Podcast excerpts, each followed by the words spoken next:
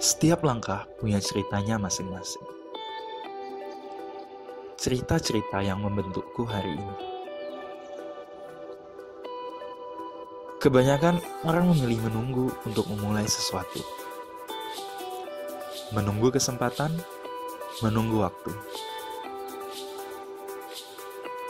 Padahal cara terbaik memulai sesuatu adalah melompat masuk ke dalam lautan kesempatan. Hari ini, detik ini.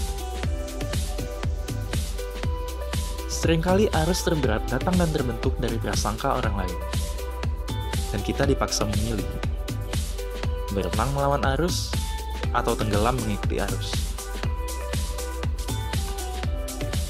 Awalnya kupikir, hidup ini adalah tentang menundukkan ambisi. Nyatanya bukan itu. Hidup ternyata tentang perjalanan menemukan diri sendiri. Terdengar sederhana, tapi banyak orang berhenti dalam pencariannya.